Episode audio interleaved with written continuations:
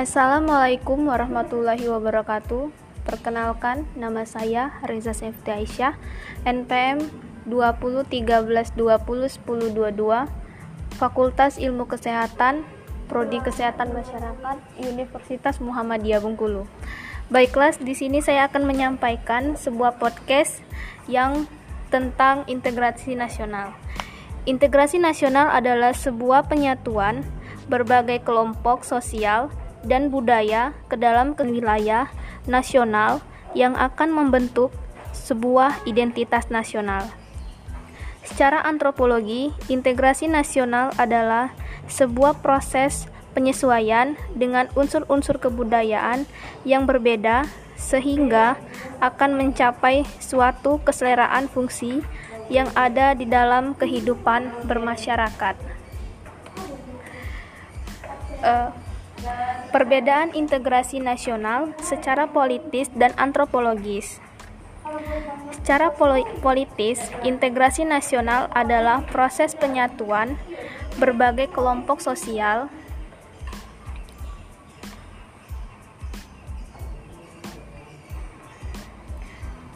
dan budaya ke dalam kesatuan wilayah nasional yang akan membentuk sebuah identitas nasional.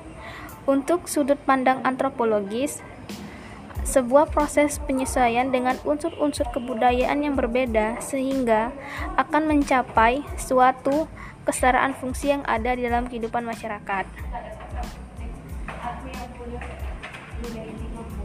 Politis membentuk integrasi nasional, membentuk identitas, sementara antropologis mencapai kesetaraan fungsi di tengah masyarakat. Konsep dan syarat-syarat integrasi Konsep integrasi secara nasional yaitu secara vertikal mencangkup bagaimana mempersatukan rakyat dengan pemerintah yang hubungannya terintegral secara vertikal. Konsep ini juga mencangkup bagaimana menyatukan pemerintah pusat dan pemerintah daerah. Konsep integrasi nasional secara horizontal mencangkup bagaimana menyatukan rakyat Indonesia yang tingkat kemajemukannya cukup tinggi. Bagaimana membangun identitas kebangsaan yang sama meski masyarakat memiliki jati diri golongan, agama, etnis, dan lain-lain yang berbeda. Syarat-syarat integrasi nasional yang pertama, anggota masyarakat merasa kalau mereka bisa dan berhasil mengisi kebutuhan masing-masing orang. Yang kedua, terciptanya kesepakatan bersama mengenai norma-norma dan nilai sosial yang dilestarikan. Yang ketiga, norma-norma dan nilai-nilai sosial itu dijadikan aturan pasti dalam melakukan integrasi sosial. Adapun faktor-faktor pembentuk integrasi nasional. Yang pertama, perasaan senasib dan seperjuang. Yang kedua, keinginan untuk bersatu. Yang ketiga, rasa cinta tanah air. Yang keempat, wujud ideologi nasional. Yang kelima, budaya gotong royong.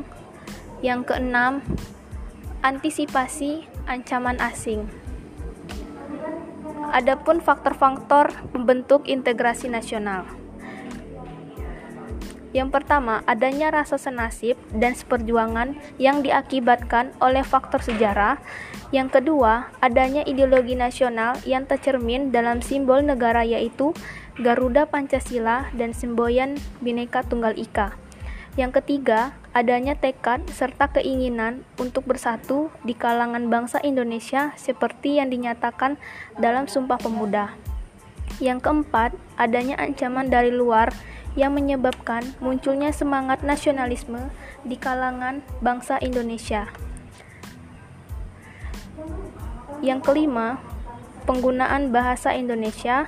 Yang keenam, adanya semangat persatuan dan kesatuan dalam bangsa, bahasa, dan tanah air.